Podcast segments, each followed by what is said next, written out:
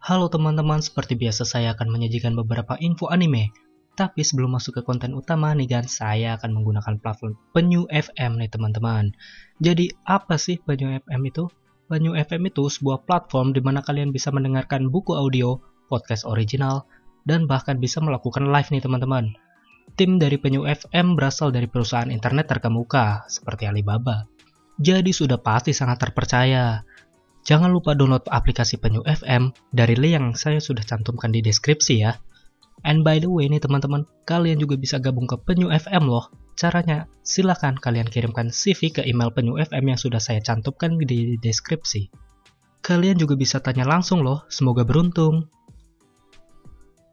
Situs resmi dari anime Data Life mengumumkan pada hari ini bahwa perancangan anime terbaru sedang dalam proses produksi.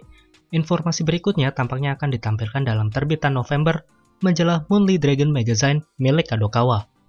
Dalam terbitan November, majalah Moonly Dragon Magazine akan menampilkan sebuah kolom feature Data Life pada Jumat mendatang. Kolom ini akan berisi diskusi dengan penulis light novel Data Life Koushi Tachibana dan ilustrator Sunako. Tak hanya itu, terdapat juga diskusi dengan penulis novel spin-off Data Life Fragment Dead a Bullet, Yuichiro Hakashide, dan ilustrator Noko. Ya, kali ini gue udah ngundang temen gue yang udah pernah nonton Data Life. Jadi gue pengen nanya pendapatnya tentang project baru ini. Jadi gimana pendapatnya?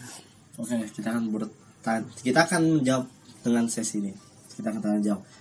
BTW tentang project baru itu Dead Alive ya, Dead Alive yang baru ya. Iya. Oke. Siap. Apa aja? Ya oke, kita mulai dari yang pertama. Kalau season pertama udah pernah nonton kan? Season pertama sudah pernah menonton, season kedua pun sudah. Oke, gue pengen nanya tentang season pertama itu ceritanya gimana? Seru apa enggak Ya. sih kira-kira? Ceritanya itu ya sangat seru, unik. Tapi kalau se- season pertama itu kalau bisa lebih baik mendingan tonton season pertama itu jangan kayak misal apa ya sekali doang mesti nonton Harus berkali-kali. berkali-kali gitu Ya, ya. karena pasti ntar bingung. Nggak di Ada- nggak di skip skip gitu ya? Iya, ada hole-nya juga. BTW di openingnya season pertama itu ada spoiler ke season kedua. Opening season pertamanya. Gue aja nggak tahu itu. Iya, di opening season pertama ada itu. BTW season pertama ada Kurumi. iya, gue juga tahu ada Kurumi. Saja. Kalau di season kedua itu gimana? Gue jujur udah lupa sih. Season Sama kedua. season kedua itu agak gimana ya? Hole-nya banyak ceritanya. Tapi menarik, menarik untuk dinikmati dan untuk- Dinikmati dalam artian Ya, apa itu? dinikmati dalam arti nonton. Jangan pikir kita nonton sambil menjilat sesuatu. ya, itu animenya itu sangat unik. Season pertama, season kedua sangat-sangat nyambung. BTW ini agak ecchi dikit. Apa itu? Ya, you know adegan ah, empat empat empat adegan empat empatnya.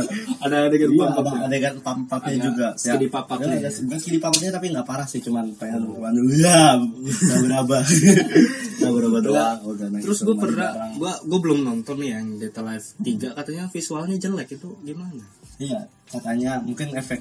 Katanya studionya juga sih ada rumor kalau studio diganti ya. Ya, studionya pindah gitu Katanya kan. studionya pindah rumornya. Tapi kita belum tahu juga Gue ya. pernah lihat di channel YouTube-nya Peko Peko Pak. Jadi dia bikin meme tentang visualnya Data Life yang season 3 itu. Terus kalau yang buat project baru ini kira-kira ceritanya gimana? Hmm, sepertinya project barunya bakal menarik. Mudah-mudahan aja visualnya bagus. Gak kayak yang sebelum-sebelumnya kayak season 3 ini. Emang season 3 ini visualnya katanya jelek. Hmm. Ya seperti visualnya ya jeleknya itu kayak misal kayak Jangan Naruto sampai kayak- kecil yang waktu kecil dulu kayaknya Naruto kecil Kalau menurut gue jangan sampai studionya ini sama kayak yang season 3 sebelumnya itu. iya mudah-mudahan aja ini Gambarnya bisa begitu banget anjir. kalau bisa visualnya itu belum bagus seperti anime Code Geass yang Liluts itu Oh, Lelo. itu grafiknya gila the best makanya mudah-mudahan aja begitu Walaupun juga simple tapi ceritanya ini ya. iya apalagi kan project baru ini kan ini kan baru new. Berarti kita mesti dikasih fresh.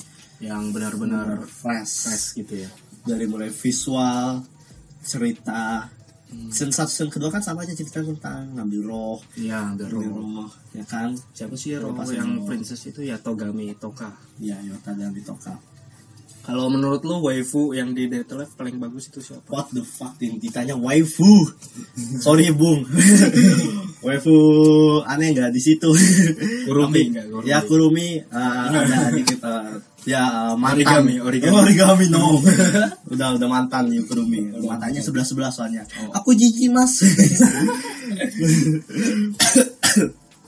Terus eh, buat project baru ini kan ada penambahan tokoh nggak sih sebenarnya?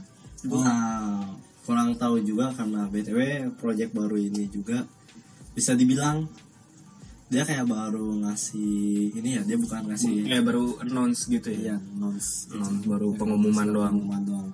Kayak misal apa? Dia sih baru ngasih pengumuman doang. Paling cuma kasih tahu visual grafiknya doang. Gimana bagaimananya.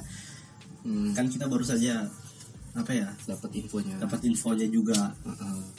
Nah, terus eh, apa namanya? Kalau Data Love itu genrenya itu apa? Romance, Kalau bisa bilang kayak fantasy, fantasi, ecchi, ecchi, Iya, harem. harem, harem ecchi, mantap lur. Apalagi action, Mhm. Nah, ini kan ceritanya masih seputar romance ya Data Love ini. ya ada sedikit unsur romansnya. btw kalau Dead- kita sebenarnya ya buat para kaum jomblo nonton Dead Life itu ada kebahagiaan tersendiri karena karakter tokoh utamanya ini suka menikung guys. Nah. Rokok aja ditikung, mantap lur. Ya gue gue ini gimana ya? Nggak cocok sama anime genre romance makanya kan gue ngundang lu kan.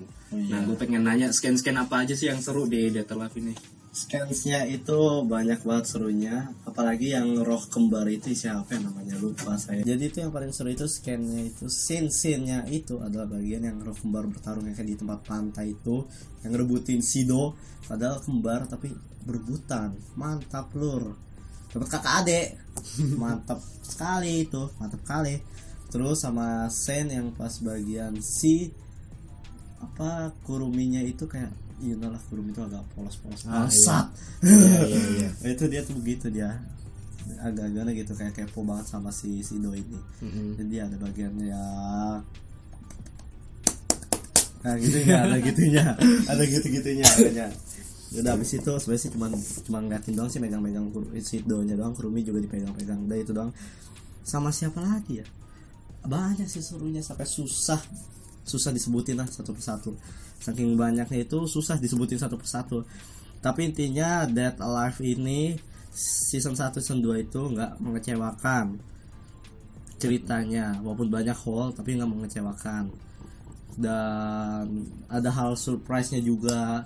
Kayak misal karakternya yang OP OP banget. Ya standar standar banget. Ya kan? Terus juga btw kayaknya nggak ada yang tocil di Iya, nggak ada yang tocil. iya nggak ada yang tocil di Dead Alive sepertinya nah itu unsur paling bagus topnya di paling bagusnya di situ doang. sama perebutan roh-rohnya tuh unik ngambil roh-rohnya itu unik Udah. Iya, harus dicium Iya, dulu. harus dicium dulu makanya itu unik sekali tuh animenya pinter nih orang yang buat Dead Alive judulnya Date Alive Dead Alive Date Alive. tapi tapi begituan anjing unik unik unik pokoknya udah unik banget pokoknya itu benar mesti disaranin banget nonton tuh anime itu nontonnya Oke, sampai di sini dulu podcast kali ini karena infonya udah saya eh, gimana ya? Masih belum luas salah, baru aja nongol kan ininya infonya. Jadi itu aja. Oke. Terima kasih sudah mendengarkan podcast kami. ya Sampai jumpa di episode selanjutnya. siap